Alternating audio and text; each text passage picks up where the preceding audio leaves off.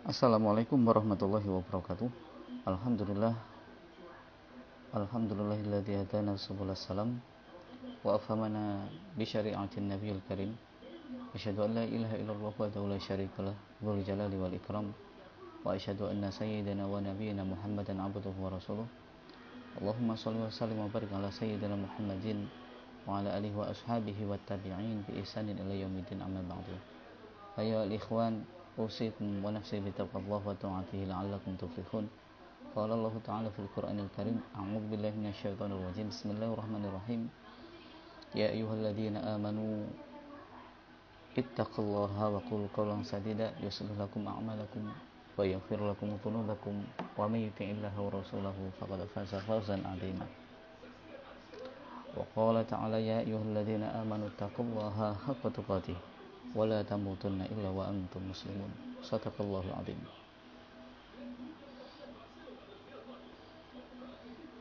Siapakah yang tidak menginginkan surga? Orang-orang yang beragama tentu menginginkannya. Karena mendapatkan surga berarti mendapatkan tempat terbaik abadi di dalam akhirat kelak. Namun surga memiliki pintu-pintu yang hanya dapat dibuka dan dilalui oleh mereka yang memiliki kunci-kuncinya. Berdasarkan beberapa matan hadis terdapat tiga kunci utama untuk membuka pintu-pintu surga sebagai berikut. Yang pertama adalah bersaksi tiada Tuhan selain Allah. Rasulullah Shallallahu Alaihi Wasallam bersabda, "Miftahul jannah syahadatul la ilaha illallah." Kunci surga adalah bersaksi tiada Tuhan selain Allah. Hadis riwayat Imam Ahmad. Dr. Muhammad Taqiyuddin Al-Hilali Asyubaki dalam kitabnya berjudul Hukmu Tarikis Salati Amadan Hatta Yakhruju Waktuha memberikan penjelasan terkait dengan hadis di atas sebagai berikut Fa'ina syahadata aslul miftah sesungguhnya bersaksi tiada Tuhan selain Allah merupakan fondasi kunci. Bersaksi bahwa tiada Tuhan selain Allah menjadi dasar pertama apakah seseorang akan mendapat surga atau tidak.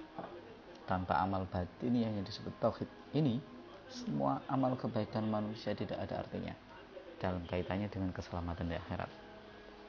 Ia tidak akan masuk surga karena surga hanya diperuntukkan bagi orang-orang yang bersaksi dengan sepenuh keyakinan bahwa Allah adalah Tuhan satu-satunya. Jadi iman tauhid merupakan pondasi dari semua amal manusia. Sedemikian penting syahadat atau kesaksian seperti itu hingga Rasulullah Shallallahu Alaihi Wasallam sabda, "Man mata wa huwa ya'lamu an la ilaha illallah dakhalal jannah." Man mata barang siapa yang mati yang alamun la ilaha illallah sedang ia percaya ada Tuhan selain Allah maka dakhalal jannah masuklah ia ke dalam surga. Hadis riwayat muslim. Memang sedemikian penting syahadat tauhid dalam kaitannya dengan surga. Kita dianjurkan untuk memperbanyak zikir dengan mengucapkan kalimat tersebut agar kita memiliki fondasi kunci utama surga. Beberapa hadis juga menunjukkan eh, barang siapa di akhirat di akhir hayat mengucapkan kalimat tersebut dengan meyakini sepenuh hati bahwa tiada Tuhan selain Allah, maka itu bertanda bahwa ia akan menepati surga dalam hidupnya di akhirat kelak. Yang kedua, yakni menegakkan salat. Rasulullah Shallallahu Alaihi Wasallam bersabda, "Miftahul jannah as-salat." Kunci surga adalah mendirikan Sholat adalah kunci utama kedua setelah syahadat. Sholat adalah amal lahiriah sekaligus merupakan perwujudan iman kepada Allah Subhanahu wa taala.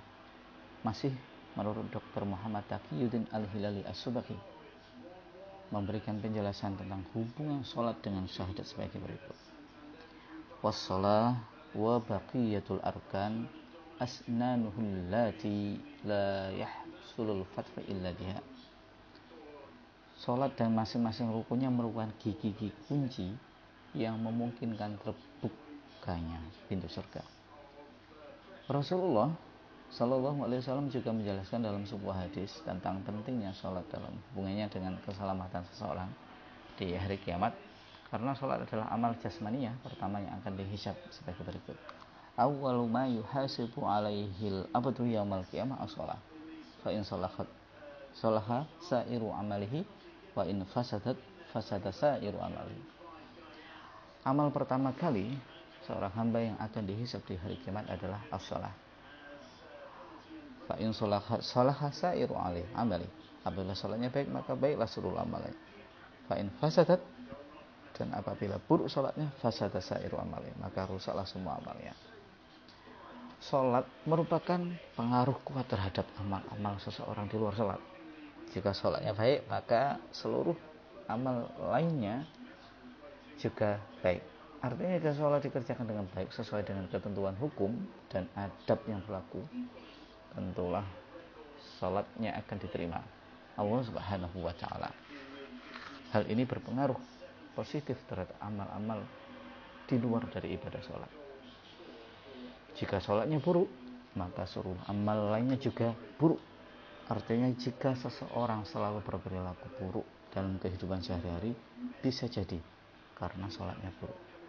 Atau ia sudah menjalankan sholat, tapi cara melaksanakannya tidak sesuai dengan syarat dan rukunnya, serta adab sholat yang berlaku. Sehingga sholatnya tidak berpengaruh positif terhadap perilakunya. Adab-adab sholat antara lain tidak menunda-nunda, ikhlas, sholat ingat Allah dan penuh dengan penghayatan atau khusyuk.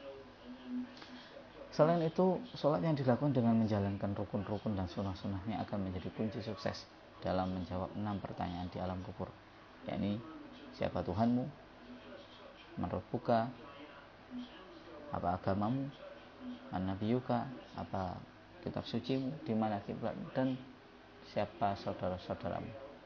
Sebab keenam pertanyaan itu jawabannya terhadap dalam pelaksanaan sholat. Jawaban terhadap pertanyaan pertama terdapat dalam bacaan takbir. Allahu Akbar. Jawaban kedua adalah perintah sholat bahwa sholat merupakan kewajiban dalam agama yang diridhai Allah. Al-Islam. Jawaban ketiga adalah dalam bacaan salawat ketika duduk Allahumma sholli ala Muhammad. Jawaban keempat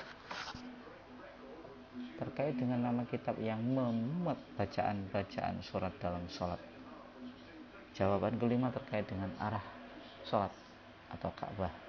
Jawaban keenam terkait dengan para jamaah sholat terutama di masjid. Al-muslimun wal muslimat. Selanjutnya yang ketiga, mencintai fakir miskin. Rasulullah Shallallahu Alaihi Wasallam bersabda, "Wa miftahul jannah hubul mus hubul masakin wal fuqara."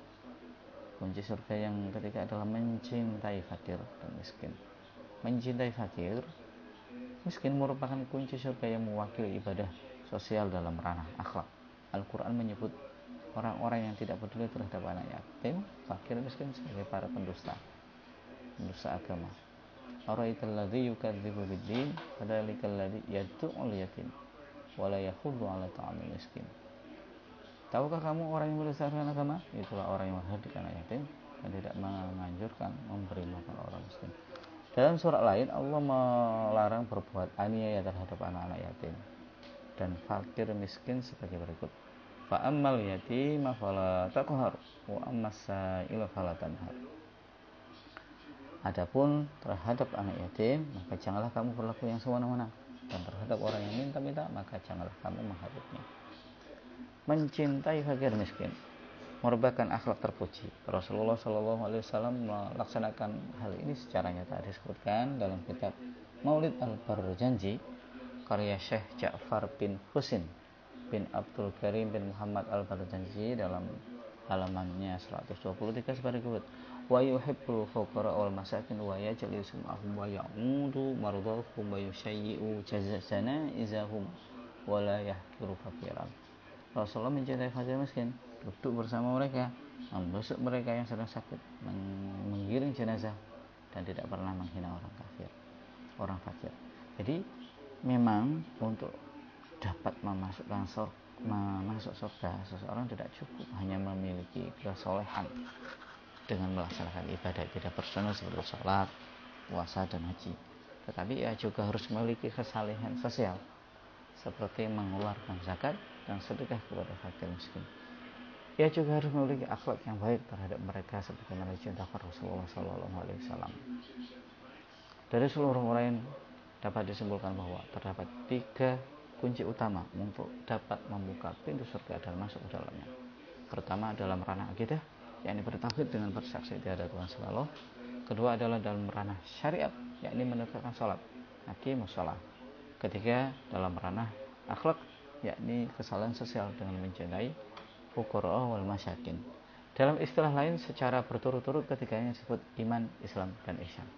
Iman, syahadat, Islam, as-salah, ihsan,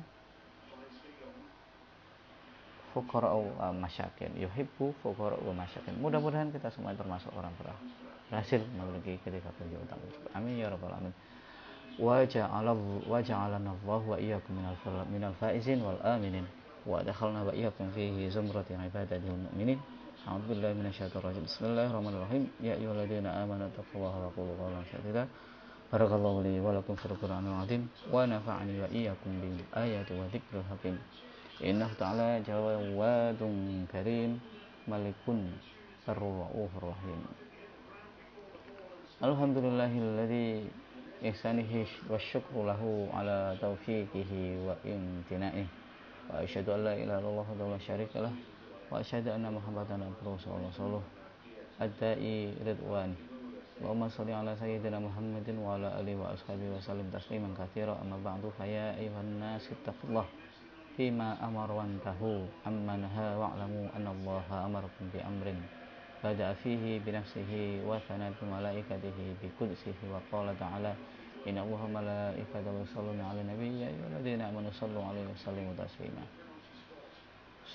'alaihi